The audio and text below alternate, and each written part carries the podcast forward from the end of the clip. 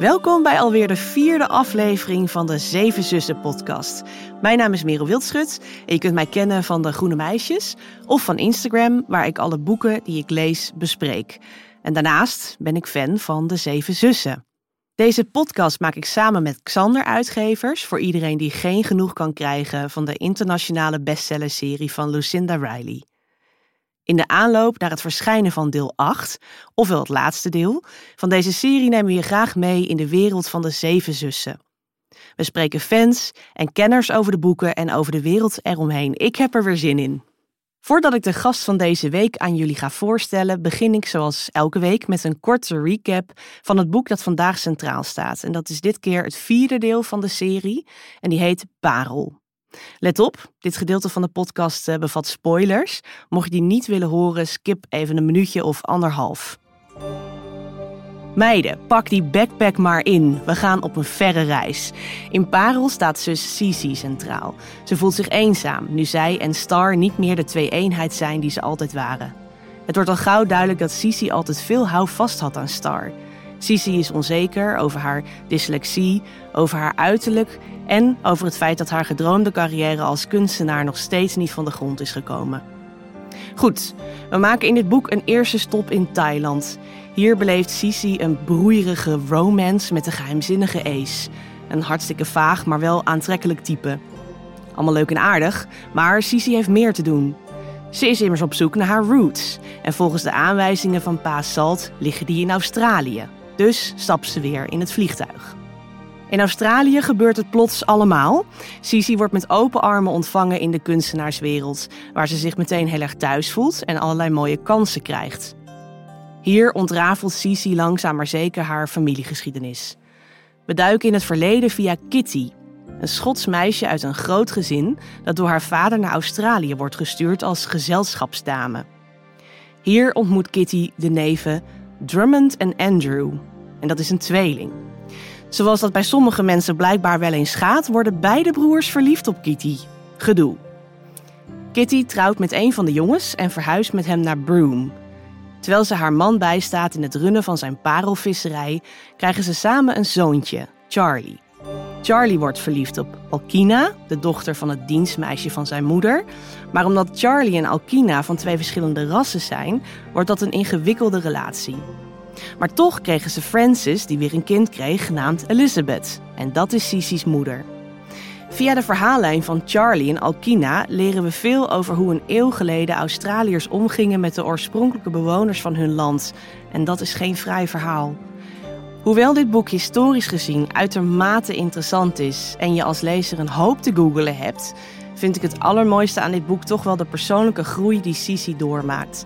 Ze ontdekt hoe krachtig en zelfstandig ze eigenlijk is en ze onderzoekt haar seksuele identiteit. Om nog maar eens een spoiler te geven, Sisi wordt namelijk hartstikke verliefd op haar vriendin Chrissy. De queerlezers onder ons krijgen in deel 4 waar we al op hoopten, want niet alle zussen blijken hetero te zijn.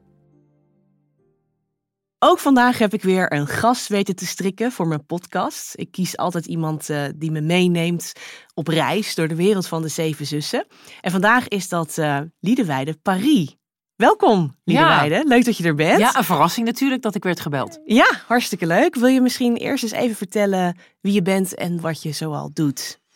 Ja, ik, heb, ik ben eigenlijk een soort uh, overgangsfiguur, zeg maar. Ik heb heel lang in de uitgeverij gezeten. Ik ben zelf redacteur geweest, uitgever, uiteindelijk directeur. En toen dacht ik, nee, ik, ik wil dat mensen gewoon genieten van lezen en van literatuur lezen vooral. En ik heb een boek gemaakt, Hoe lees ik? En ja, dat heeft mijn leven veranderd. Ja, Oké. Omdat ik inmiddels door het land reis, ik geef cursussen, ik geef lessen, schrijftraining. Maar cursussen gaan dus over literatuur. En dat gaat dan over ingewikkelde boeken. Waarom zitten ze zo ingewikkeld in elkaar? Mm. Waarom vertellen ze niet gewoon hoe het zit, zeg maar? Ja. En dat is heel vaak lezen mensen een boek en dan willen ze weten, ja, hè, dat eind, ik snap het niet. Nou, dat vind ik juist leuk, dat spel wat een, een schrijver met je speelt. Ja. Dus daar heb ik mijn werk van gemaakt. Dat was eigenlijk niet de bedoeling, maar dat boek heeft eigenlijk de, de weg gewezen. Ja. En ik bespreek nu boeken voor Max Nieuwsweekend. En ik heb een filmprogramma. Hoe lees ik een film in drie steden? Maar dan gaan we mm. ook weer met een boekenleeshoofd naar films kijken. Dus het uitgangspunt in mijn leven is alleen maar lezen van boeken. Ja, wat mooi zeg.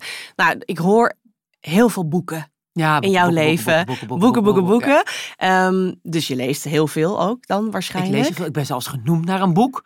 Ik ben genoemd naar de eerste van Fortal in de Nederlandse literatuur, Liedewijde van Buscunuet. Zo, dus het, je Dus moest de- wel. Ja, ik je moest wel. Het is gewoon ja. helemaal fout gegaan al aan Ja. het begin. Ja, En, en wat voor, als wat voor soort le- lezer zou jij jezelf dan eh, beschrijven?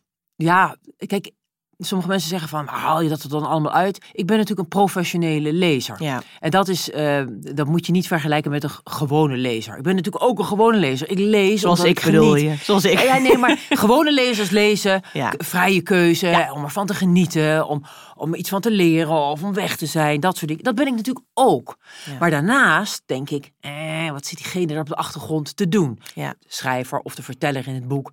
Ik hou van kijken, technisch ook kijken, nou, wat gebeurt er in die boeken? Hoe zitten die boeken in elkaar? Waarom raakt me dit? Waarom is dit spannend? Waarom snap ik hier de ballen van? Ja. Waarom? Hè? En dat, dat vind ik leuk. En dan zegt Ja. iemand, ja, maar geniet je dan nog wel? Wat is natuurlijk de eerste vraag. Ja, dat is ook wel wat ik Geniet me een je dan afvraag. Ja. Maar dan zeg ik, ja, maar mijn genieten is een ander genieten. ja. Ik geniet van, ja, van, van hoe het werkt. Maar eh, hoeveel boeken lees jij dan zo ongeveer? Ik bedoel, hebben we het dan over eh, een boek per week, eh, meerdere Nee. boeken per week? Even heel technisch. Ik moet elke drie weken moet ik drie boeken bespreken. Dus dat komt inderdaad neer op een boek per week. Ja, Maar daarnaast geef ik cursussen. Ja. Voor die cursussen moet ik ook boeken lezen. En ik schrijf boeken. En die boeken gaan ook weer over, Over literatuur. boeken. En daar moet ik ook weer boeken voor lezen. Dus ik lees met de pletter. nou, dat Eh, eh, kan maar je zeggen. er zijn ook heel veel dingen die ik... eh, er zijn ook heel veel weken dat ik denk, nou, nu niet lezen. Hmm. Heb ik andere dingen, heb ik Ja. andere dingen aan mijn hoofd. En eh, ja, prima. Ja, precies. Nou, ik heb je natuurlijk uitgenodigd voor de Zeven Zussen podcast. Ja, omdat leuk. ik heb gehoord dat jij ehm, ook de boeken van Lucinda Riley hebt gelezen. Eh, wat, wat is jouw verhouding tot deze boeken? Ja, ik heb ze niet allemaal gelezen. En ik heb, eh, ik heb ze ook deels besproken voor de radio. Hmm. Nou, ik heb me eigenlijk opgeworpen als verdediger van haar. eh, Omdat mensen dat van mij niet verwachten. Oké, Omdat we in Nederland natuurlijk toch een beetje raar zijn. Eh, leg uit. nou ja, eh, soms dan denk ik wel, zeg maar wat je leest. En ik zeg een beetje hoe ik je inschaal Oh ja. in intelligentie of in, in, in, in sociale factor Mm. of in status. Of, we zijn Ja. een heel raar land. En we zijn een raar land slash een naar land wat dat betreft. Er is een hele discussie. Ja, het is een hele discussie geweest in de kranten. En ja, dat die boeken dan niet goed zijn en niet goed in elkaar zitten. En ja, en alles wordt maar uitgelegd. En ehm, ja, toen dacht ik van ja, wacht nou eens even. Ehm, mensen onderschatten hoe ongelooflijk complex het is om zo'n serie te schrijven. Ja. Eh, hoe briljant die in elkaar zit. Mhm. Hè, eh, ik maak wel eens een grapje. Ik geef schrijftraining. Schrijftraining, dat zijn lessen voor mensen die schrijver willen worden. Ja. En dan zeg ik, kunnen we nog wat leren van Lucinda Riley? Ha, nou, nou zit zo'n beetje besmuikt. Nou ja, Ja? Lucinda Riley. Kunnen... Ik zeg, daar kan jij in ieder geval van leren hoe je geld kan verdienen. Weet Ja, je, schrijver. zeker. Nou, en dan, dan zijn ze al stil. Dan denken ze, ja, maar hè, dat willen ze natuurlijk allemaal stiekem. Mhm. En dan zeg ik, ja, maar je kan er dus ook van leren hoe je een verhaal in elkaar zet. Hoe je het vertelt, hoe je spanningsbogen maakt. En kijk, wat natuurlijk het grootste ver- verwijt altijd is, het wordt allemaal uitgelegd. Het wordt Mm. allemaal verteld. Mm. Ja, dat valt nog best wel mee. Ja? Eh, Ja, ja, er, er wordt heel veel verteld. Mhm. Maar ook heel veel literaire boeken die dan zogenaamd wel, hè, zeg maar, als literair worden aangemerkt, wordt ook heel veel in verteld. Verteller is gewoon. Het, hè, en toen gebeurde er dat en Ja, dat ja, en dat. ja, en toen dacht ze dat, toen vond ze dat. Hè, dat is dat invullen van wat iemand denkt en doet en de overwegingen. En dat vinden mensen over het algemeen niet prettig. En nou, dat vinden mensen juist wel Oh, prettig. Maar bij Lucinda Riley wordt het als een verwijt gebruikt. Ah, zo. Terwijl als het in de literaire roman wordt gebruikt, Dan is het oké. ze ja, omdat daar natuurlijk metaforen, vergelijkingen, prachtige literaire, lyrische beschrijvingen in zitten. Ja. Maar heel veel mensen vinden het fijn om bij de hand genomen te worden. Ja, dat kan je op verschillende manieren doen. Ja.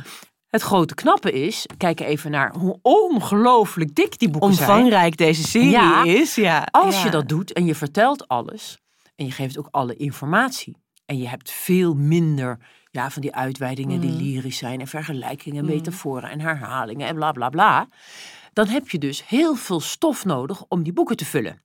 Ja. En lezers zijn niet gek. Nee. Als je voor de tiende keer eh, op dezelfde manier iets beschrijft of vertelt, dan denken ze, ja, nou, dat heb ik bij die ene zus al gehad en dat komt nu bij die andere zus weer terug. En dat doet ze dus niet. En dat vind ik het interessante. Want nou, ik dacht eerst dat het zeven delen zouden worden, maar we zitten geloof ik niet Ja, te wachten op deel deel acht, 8. deel acht komt deel eraan, acht is paasverhaal. hè, Ja, ja. ja, ja. En eh, nou ja, daar kijk ik nou wel naar aan, want dat vind ik dus wel heel interessant. Ja. En het is natuurlijk ongelooflijk. Hè, en dat, kijk, dat is ook wat een verwijt is. Iemand zegt, ja, maar wacht even. Zo'n man die dan zes kinderen adopteert. Mhm. hè, want de zevende is zoek, hè, zo, Ja. zoals iedereen weet niet natuurlijk. is. Ja. Eh, ja, weet je, dat kan natuurlijk niet. Hmm. Maar die vraag moet je niet stellen.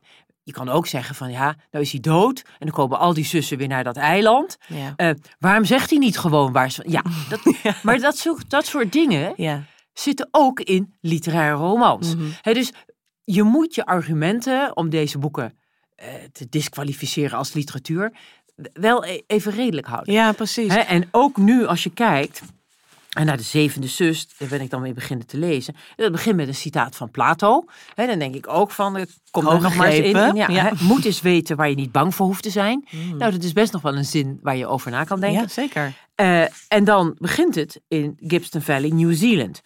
En dan Klopt, denk je Mary ja. Kate. En dan denk je, ja, Mary Kate, Mary Kate, wie is dat nou weer? Zitten we weer opeens weer in Nieuw-Zeeland. Ja.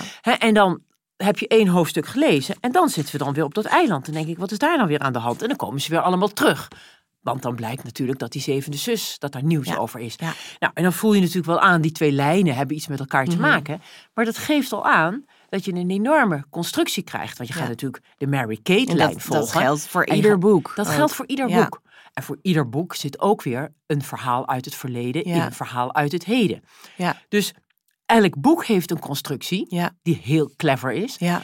Maar ga even een spanningsboog over zeven, nou nu acht delen maken. Echt heel knap. Dat moet je echt, ja, Dat moet zo goed uitgedacht zijn. Ik dat stel moet me zo ook goed altijd- uitgedacht zijn. Ja, ik stel me ook helemaal voor dat haar werkkamer zo'n muur had. Waar dan alles zo hangt. Weet je, als ja, allemaal punaises vragen. met- Die is daar nooit Ja. geweest of wel? Weet ik niet, weet ik niet. Ga ik vragen. Maar ehm, ik zie dat wel helemaal voor me. Van je moet dat in boek 1 al helemaal uitgedacht hebben. Wat er eigenlijk in boek 8 dan ook weer gaat gebeuren. Dat is een enorm project. Heel veel research is er gedaan. Ja, is heel veel research. Ook En over ik- landen, over geschiedenis. Alleen al om en dat voor elkaar dingen. te krijgen. Dat is een enorme prestatie. Ja, dat is al een enorme prestatie. Ja. Maar ook, eh, want die zussen zijn natuurlijk allemaal genoemd naar sterren. Ah, ook dus, nog, eh, ja. Dan krijg je natuurlijk ook al die coördinaten. Dan krijg je, krijgen ze allemaal ook een clue mee. En kijk, dat, dat, dat, is, dat is heel slim gedaan. Maar het is ook overtuigend gedaan. Ja. En dat is wat, wat ik er ontzettend knap aan vind. Ja, ja. En eh, iemand meenemen. Kijk, Arnold Gunberg. Nou, als we nou even over. een- Dan maak je wel een iemand- vergelijking. ja, iemand die eh, eh, eh, zeg maar twintig stempels van goedkeuring dit Ja, is literatuur ja, heeft gekregen. Die zegt, ja, de eerste rol van de schrijver is te zorgen dat de lezer doorleest. Hm. Hè, dat valt je dan, dan denk je ook van, nou Arnold, doe je dat zelf altijd wel? Nou ja, Nou, op zijn manier voor zijn lezer. En zij, zij doet dat. Zeker. Hè, en ehm, kijk, waarom heel veel mensen dat dan toch op neerkijken, is omdat het allemaal verteld wordt. Je hoeft niet ehm, Het zelf in te vullen. het zelf maar. in te vullen. Je hoeft niet te denken, hoe komt ze nou daar? Mm. Waarom zou ze dat, dat, dat Nee, doen? het staat dat wordt heel verteld. letterlijk, Dat ja. staat er allemaal vrij letterlijk. Ja. Nou ja, en er zijn mensen die daar wel van houden en er zijn mensen die daar niet van houden. Dat klopt. Dus ja. laat iedereen lezen. ja, lekker smaken Kijk, verschillen ook, toch? Hè, want een heel ander punt is, en daar he- hebben we het tegenwoordig over, dus over de ontlezing. ja. En wat iedereen vindt, is dat je op school moet lezen. Nou, als, er- als je één ding zeker weet, is op de middelbare school wordt eigenlijk het lezen de mensen tegengemaakt. Absoluut. En dat is Ja. jammer. Ik kom wel eens op school en dan eh, middelbare school, VWO 5 of HAVO 4 of iets dergelijks. En dan zeg ik, wie vond lezen op de lagere school, ik noem toch altijd lagere school, noem ik het altijd nog. Ja. Ehm, wie vond het leuk? Ah, alle vingers gaan omhoog. Ja. wat las je dan? Ah, ik las Ja. dat, ik las dat. Ik heb alles van, ja, eh, juf, eh, zeggen ze dan opeens juf. Ja. Juf, ik heb dat gelezen en dat gelezen. En, en dan zeg ik, nou, wie vindt lezen nu nog leuker?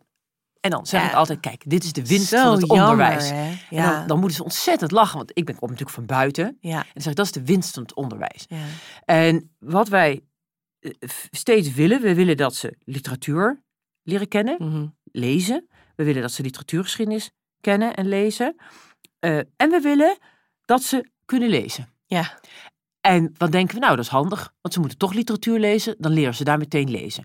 Dus mensen van andere vakken, wiskunde, economie, geschiedenis Mm. en noem het allemaal maar op, die zeggen ja, ja, nee, lezen, dat hoort bij de leraar Nederlands. Ja. Nou, toen ik op school zat, ik had elke dag had ik een uur Nederlands. Dus ik had vijf uur, soms zes uur Nederlands in de week. Zo. Dat is nu op sommige scholen twee uur. Op Ja, sommige klopt. scholen is het één uur. Ja. Sommige scholen is het drie uur.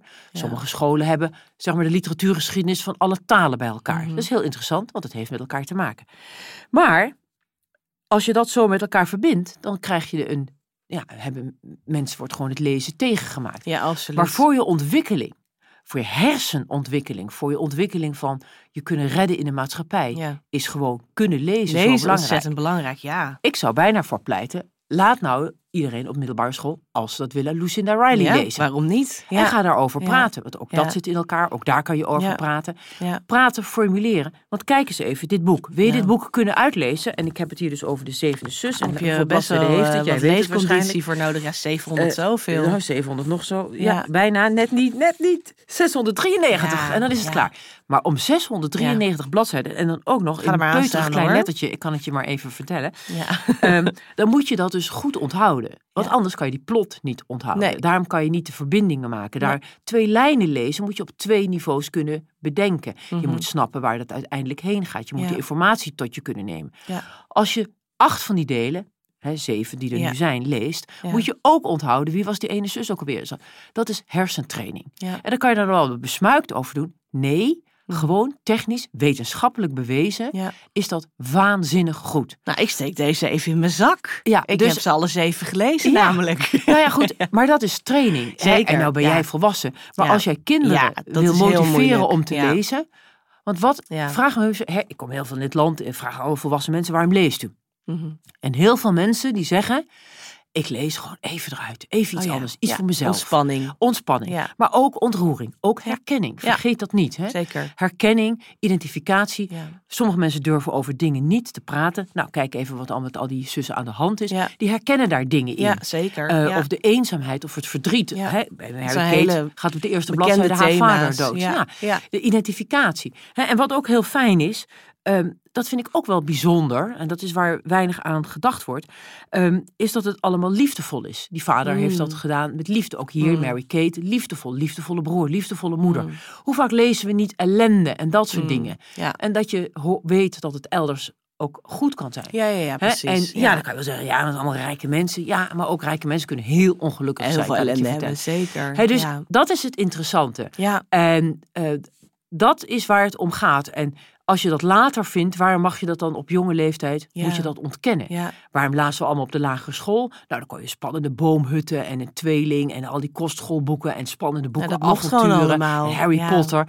Ja, Harry Potter, dat was een van de grootste geschenken aan de jeugd. Mm. Want die zaten allemaal van die dikke pillen te lezen. mhm, ja. En ja, om Ja, daarop neer te kijken, dat is zo ongelooflijk fout. ja. En dat zijn mensen-. Ehm, die, ja, die, je bent bevoorrecht dat je dus blijkbaar eh, dat, dat lezen goed onder de knie hebt gekregen. Mhm. Nou, wees daar dan dankbaar voor. Ja, zeker. Maar kijk dan niet op een ander neer. En dat mensen zich schamen om toe te geven dat ze Lucinda Riley vinden, dan denk Ja. ik, wat, wat voor samenleving hebben Ja, wij? dat is heel erg. Ja, ik, ik wil heel even terugpakken naar, eh, je noemde het net al, om deze boeken te disqualificeren als literatuur. Ehm, waar komt dat onderscheid überhaupt vandaan ja, eigenlijk? nou, dat we het is de hebben handvraag over... van de, a- van de middag Ja, natuurlijk. Hè? Ja. Wat is literatuur, wat is geen literatuur? En waarom vinden we dat zo belangrijk? Waar, he- heeft dat een oorsprong? Ja, dat heeft vast wel een oorsprong, maar die oorsprong heb ik niet helemaal gevonden.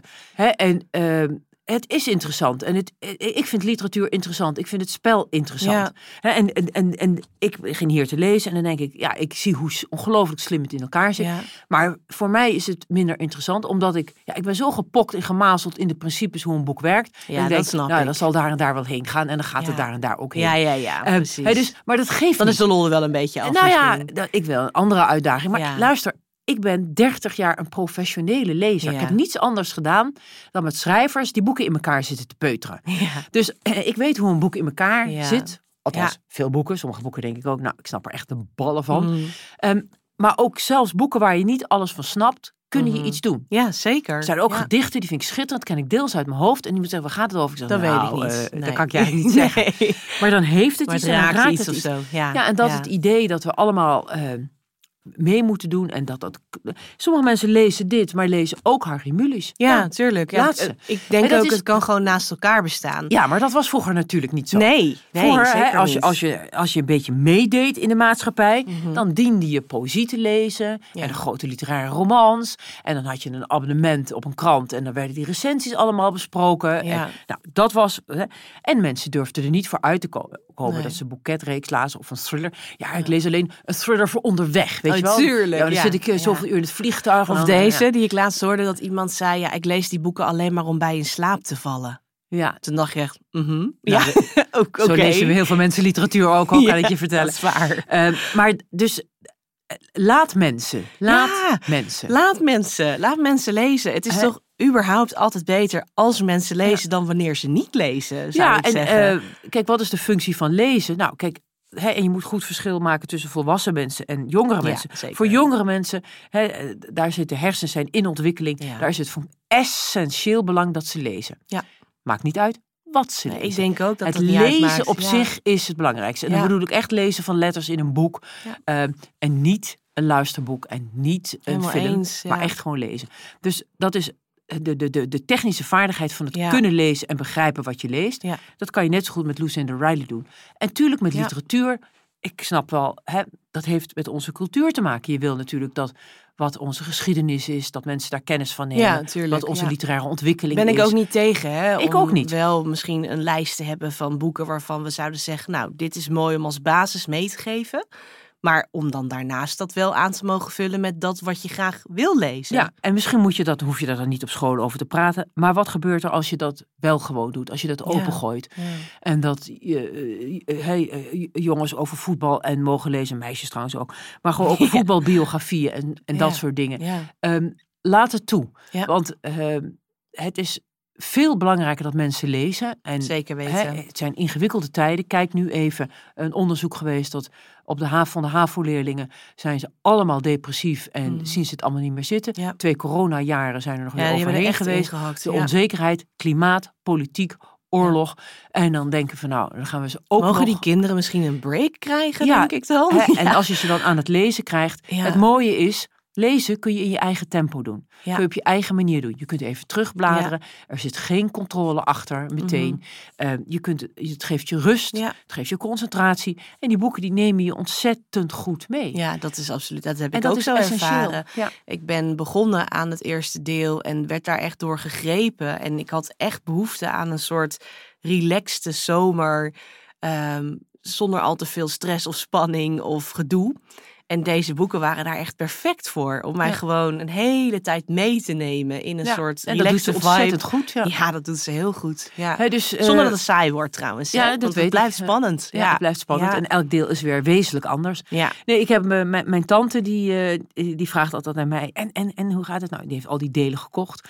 Eh, maar die stuur ik ook eh, boeken die ik heb gelezen, die dan literair zijn of dat Ja. dingen. Die leest alles Een door elkaar. alleslezer ook. Hè, Ja. en dan zegt ze, nou ja, maar nu wel een heel raar boek. En dan hebben we het er even over. Dan vond ze dat weer iets te Ja. ingewikkeld. Ja. Ehm, maar meestal le- leest ze alles, omdat ze zegt, nou, Liederwijde heeft me gestuurd. Ja. Dan, hè, Dus prima. dat zal het wel goed zijn. Maar, ja. ja. ja. Hè, ik heb er ook boeken die te vergelijken zijn met Lucinda Riley. Ja. En ze zegt nooit tegen mij, nou dat jij mij dat stuurt. Ik zeg, nee, dat vind jij goed. Hoe weet je dat? Ik zeg, nou, omdat ik het zelf heb Ja, gelezen. ja, ja. Hè, dus ehm, eh, ik vind dat we daarvan af moeten. Ja, de ook. tijd dat je eh, in rangen en standen kunt denken, Mm, eh, dat zijn we natuurlijk deep down nog steeds. ja. Ehm, maar hou dat niet iedereen. Het is een heel mooi citaat. Als het dan toch Scott Fitzgerald, een Engelse Mhm. schrijver, nou, Amerikaanse schrijver, ja. ehm, die, die schrijft, ik zal het in het Nederlands zeggen. Eh, wanneer je op het punt staat iemand te bekritiseren, Ja. realiseer je dan dat niet alle mensen in deze wereld eh, dezelfde eh, voordelen hebben gehad als jij. Zeker waar. Hè? Ja. En, en ook al heb je dat wel, dan mag je ook nog steeds Lucinda Riley lezen. Zeker weten. Je mag altijd Lucinda Riley Ja. lezen van ons. Ja. Ja, van mij ook. Liedewij, dank je wel voor deze Ja, jij bedankt. Mooi. literatuurgeschiedenis eh, les. Echt heel leuk om te horen. En ik hoop dat je deel 8 gaat lezen. Ja, op naar deel 8 Ja, zeker. Ik wil weten waarom hij dit allemaal gedaan heeft. Ik ja. ook, ik ook. Kijk er heel erg naar uit. 11 mei hè, is het. 11 mei. Zet in je agenda. ik zet het in mijn agenda. Dankjewel. goed.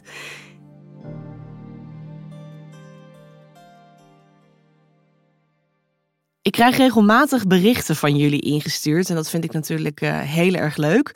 Maar het bericht dat ik deze week kreeg is echt next level. Hij komt van Anouk Beren en zij heeft wel een heel bijzonder verhaal over haar huwelijksaanzoek in Thailand. Wat ik heel leuk vind aan de serie is dat het zich afspeelt op echte plekken. Toen ik zelf op reis was door Thailand en op Rayleigh Beach was, ging ik op zoek naar het hekje van het huis uit het verhaal. Die vond ik toen helaas niet, maar de dag erna kwam ik opnieuw op het strand en werd ik mega romantisch ten huwelijk gevraagd. En toen ik me na het aanzoek omdraaide, mag je drie keer raden wat ik zag. Jawel, we stonden recht voor het hekje uit het boek. Dit deel heeft dus voor altijd een extra speciaal plekje in mijn hart. Nou, ik laat het jullie weten hoor, als ik uh, ooit ook een keer zo'n indrukwekkend Zeven Zussen anekdote met jullie te delen heb. Maar ik vrees dat Anouk de lat hier behoorlijk hoog heeft gelegd. Leuk dat je weer luisterde. Volgende week komt er weer een nieuwe aflevering van de Zeven Zussen podcast online. En ik hoop dat je er dan ook weer bij bent. Dan bespreken we deel 5, Maan. En ik ga dan in gesprek met uitgever Sander Knol. Nou, als er iemand is die alles van de boeken en van de auteur weet, dan is hij het. Dus ik ben heel erg benieuwd. Atlas, het verhaal van Paas Salt, het lang verwachte achtste en laatste deel van de Zeven Zussen-serie, verschijnt op 11 mei 2023. Zet dit groot in je agenda. Reserveer een exemplaar bij je favoriete boekhandel of online. Wil je geen enkele aflevering van deze podcast missen? Vergeet je dan niet te abonneren op deze podcast in je favoriete podcast-app. Tot volgende week.